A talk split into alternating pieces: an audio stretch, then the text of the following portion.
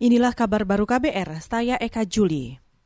Saudara hasil investigasi kasus pembunuhan pendeta Yeremias Zanambani di Intan Jaya, Papua akan diumumkan Rabu besok. Ketua Tim Investigasi Lapangan Tim Gabungan Pencari Fakta atau TGPF Beni Mamoto mengatakan hasil investigasi tim selama 14 hari itu akan dirilis bersama Menteri Koordinator Bidang Politik, Hukum dan Keamanan atau Menko Polhukam Mahfud MD. Sedianya, jadwalnya penyerahan hasil penyelidikan TGPF akan diserahkan Senin kemarin. Namun karena kesibukan Menko Polhukam, maka penyerahan dan rilis ditunda. Sehingga kami bersama tim harus menunggu waktu yang tepat dan ternyata Bapak Sesmenko Polhukam sudah menjadwalkan pada hari Rabu kita semua akan diterima oleh Bapak Menko Polhukam menyerahkan laporan laporannya sudah kami siapkan dan akan diserahkan pada hari Rabu. Sekaligus nanti beliau akan rilis capaian-capaian penting yang berhasil uh, dilakukan oleh TGPF. Itu tadi Ketua Tim Investigasi Lapangan Tim Gabungan Pencari Fakta atau TGPF Beni Mamoto. Selama 14 hari investigasi di Intan Jaya, Papua, TGPF mengklaim memeriksa 42 saksi terkait kasus penembakan pendeta Yeremias. Selain itu, pihak keluarga korban juga memberikan izin otopsi dengan dua syarat setelah sebelumnya menolak. TGPF juga menyelidiki tiga kasus lain, yakni tewasnya seorang warga sipil dan dua prajurit TNI. Seorang prajurit TNI bernama Dwi Akbar tewas di hari yang sama dengan penembakan pendeta Yeremias pada 19 September lalu. Kita ke soal KPK. Wakil Ketua Komisi Pemberantasan Korupsi atau KPK, Nurul Gufron, berharap fasilitas mobil dinas jabatan dapat dipenuhi negara. Ia beralasan pemberian mobil dinas jabatan merupakan fasilitas transportasi aparatur negara yang sudah ada ketentuannya. Ia menyebut selama ini fasilitas transportasi memang belum diberikan kepada pejabat di lingkungan KPK.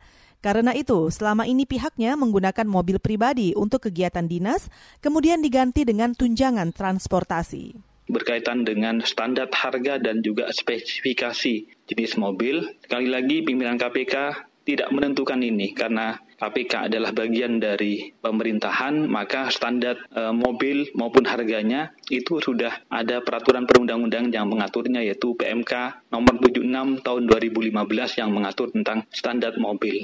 Oleh karena itu, pimpinan KPK tidak sama sekali menentukan spesifikasi harga. Wakil Ketua KPK Nurul Gufron menambahkan, selain hak transportasi berupa mobil, pimpinan KPK juga memiliki hak keuangan, hak protokol, dan hak fasilitas lainnya, sesuai peraturan pemerintah tentang hak keuangan, kedudukan protokol, dan perlindungan keamanan pimpinan KPK. Gufron meminta tuduhan bergaya hidup mewah pimpinan KPK harus dibuktikan secara langsung. Tuduhan ini sebelumnya disampaikan sejumlah pihak menyusul adanya pengajuan mobil dinas, antara lain disampaikan ICW dan bekas pimpinan KPK. Kita ke informasi lain. Pandemi COVID-19 mengakibatkan pendapatan cukai kantor Bea Cukai Kudus menjadi rendah tahun ini. Penurunan itu disampaikan Bea Cukai Kudus saat konferensi pers kemarin. Selengkapnya disampaikan reporter radio jaringan Musyafa dari Radio R2B Rembang. Target penerimaan cukai yang dibebankan pemerintah kepada kantor Bea Cukai Kudus tahun ini mencapai hampir 36 triliun rupiah. Namun hingga bulan Oktober ini baru mendapatkan 20 triliun rupiah lebih. Salah satunya karena imbas pandemi COVID-19 yang membuat omset penjualan rokok menurun. Kepala Seksi Penyeluan dan Layanan Informasi Kantor Bea Cukai Kudus, Dwi Prastiorini menyampaikan data tersebut ketika konferensi pers di ruang rapat Bupati Rembang. Pandemi yang rokok-rokok mahal itu turun ya, yang padahal rokok-rokok mahal itu yang bayar cukainya banyak. Jadi terasa juga Bu ya? Terasa Pak, ya. Yang naik itu tadi yang rokok golongan 2 sama SKP, sigaret kretek tangan karena harganya yang murah itu 10 ribu masih dapat. Dwi Prastiorini dari kantor Bea Cukai Kudus. Dengan harga cukai semakin naik dari tahun ke tahun, maka pihaknya juga mengimbangi melalui kebijakan menggempur rokok ilegal. Sepanjang tahun 2020, petugas Bea Cukai Kudus sudah menggelar penindakan 67 kali dan mengamankan rokok ilegal 16 juta batang. Paling banyak berasal dari Kabupaten Jepara. Musyafa R2 Birembang melaporkan untuk KBR.